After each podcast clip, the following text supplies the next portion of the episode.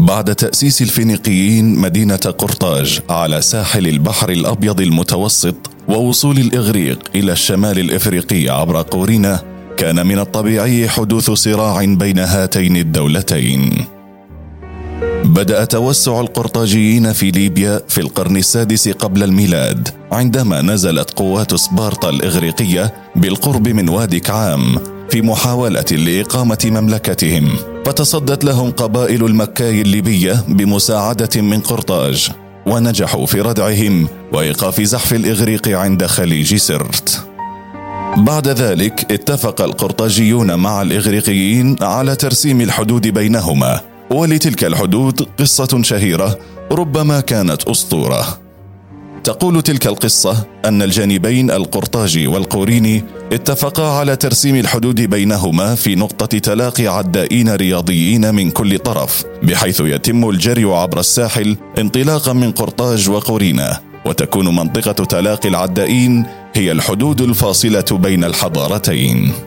وبسبب التعرجات على ساحل برقة فقد استغرقت من عدائي الإغريق وقتا أطول من عدائي قرطاج وهما الأخوين فيليني اللذين تمكنا من قطع ثلثي المسافة بين قرطاجة وقورينا حتى التقيا بفريق قورينا جنوبي راس لانوف.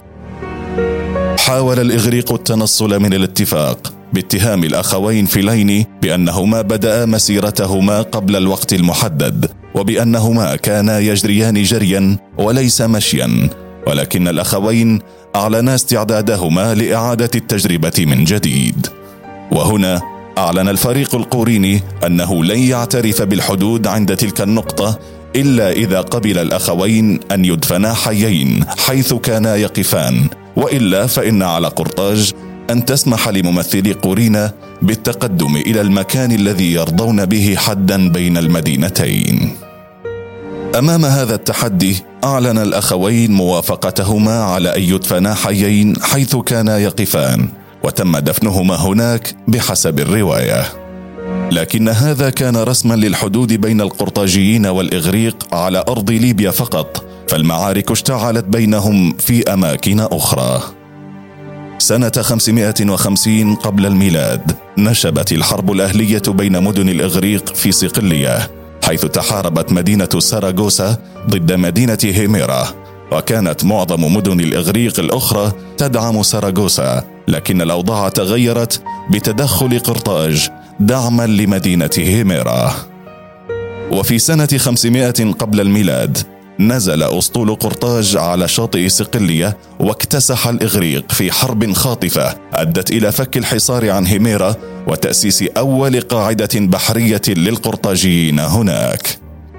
في سنة 480 تجددت المعارك مرة أخرى وجاء القائد القرطاجي هامليكارت بجيش تعداده ثلاثين ألف جندي معظمهم من الليبيين وتم إنزال الجيش على الشاطئ لكي يقاتل فوق اليابسة.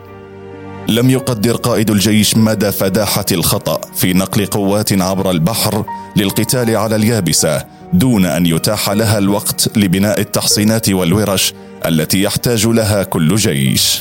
فقد فاجأهم الإغريق بكتائب الخيالة التي اجتاحتهم في ميدان مكشوف خال من الخنادق والتحصينات وحاول هامليكارت تجميع قواته للانسحاب فتبعه الإغريق وأنهكوا قوته قبل أن يصل إلى البحر ليجد جيشا آخر أجهز على البقية الباقية من سفنه وجنوده.